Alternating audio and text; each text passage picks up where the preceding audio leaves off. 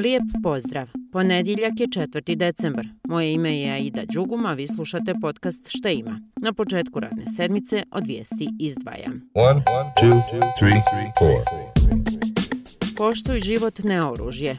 Kampanja je koja se danas održava i u Mostaru. To je još jedan događaj u okviru kampanje pokrenute zbog sve češćeg korištenja vatrenog oružja, kojim se počini više od polovine ubistava u Bosni i Hercegovini, od čega se u 95% slučajeva koristi nelegalno oružje. Ljudevit Marić, glasnogovornik MUPA Hercegovačko-Neretvanskog kantona, za šta ima objašnjava. Cilj ove kampanje je da prikupimo što više nelegalnog oružja da e, vlasnike e, oružja koji su legalni oružje drže sukladno zakonskim propisima, znači o streljivu i na oružanju, znači odvojeno oružje od streljiva i da se pohrani, odnosno se e, drži u sefovima koja nisu dostupna djeci jer znamo da su djeca najranjivija kategorija.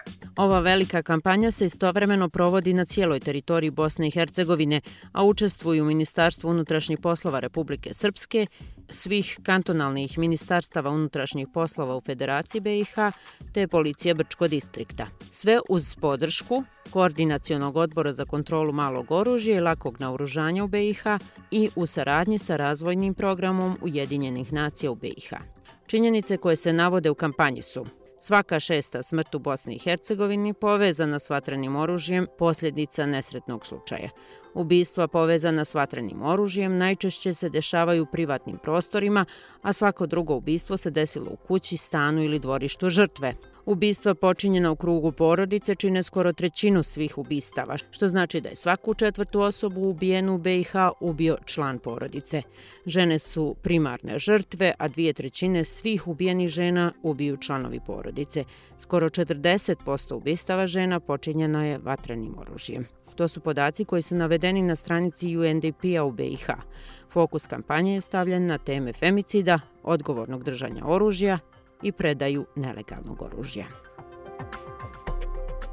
U Banja Luci će Agencija za razvoj visokog obrazovanja i obezbiđivanja kvaliteta BiH organizovati sastanak eksperata koji trebaju naći put do ostvarivanja punopravnog članstva u Evropskoj asocijaciji za osiguranje kvaliteta.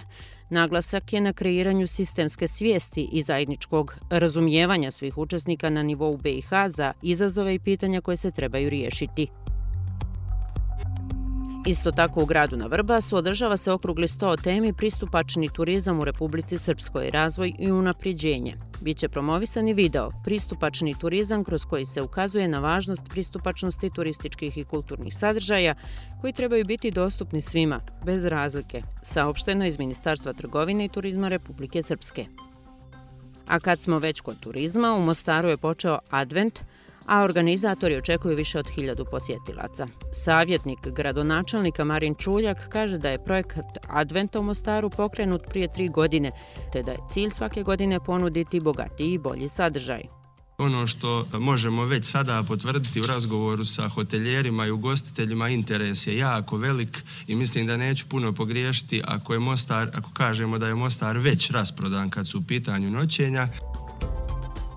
Da naglasim da danas počinje i dječji program na pozornici na platovu ispred Kosača i trajaće do badnjeg dana.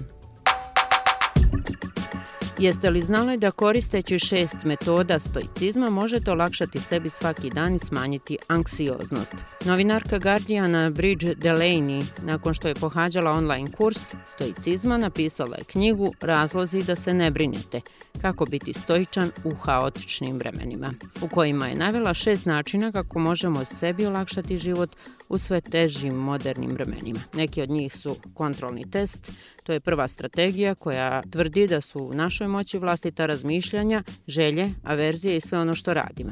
Osim toga, jedna od metoda je i da ne dopustimo da na nas utiče strah ili mržnja drugih jer mogu biti zarazni.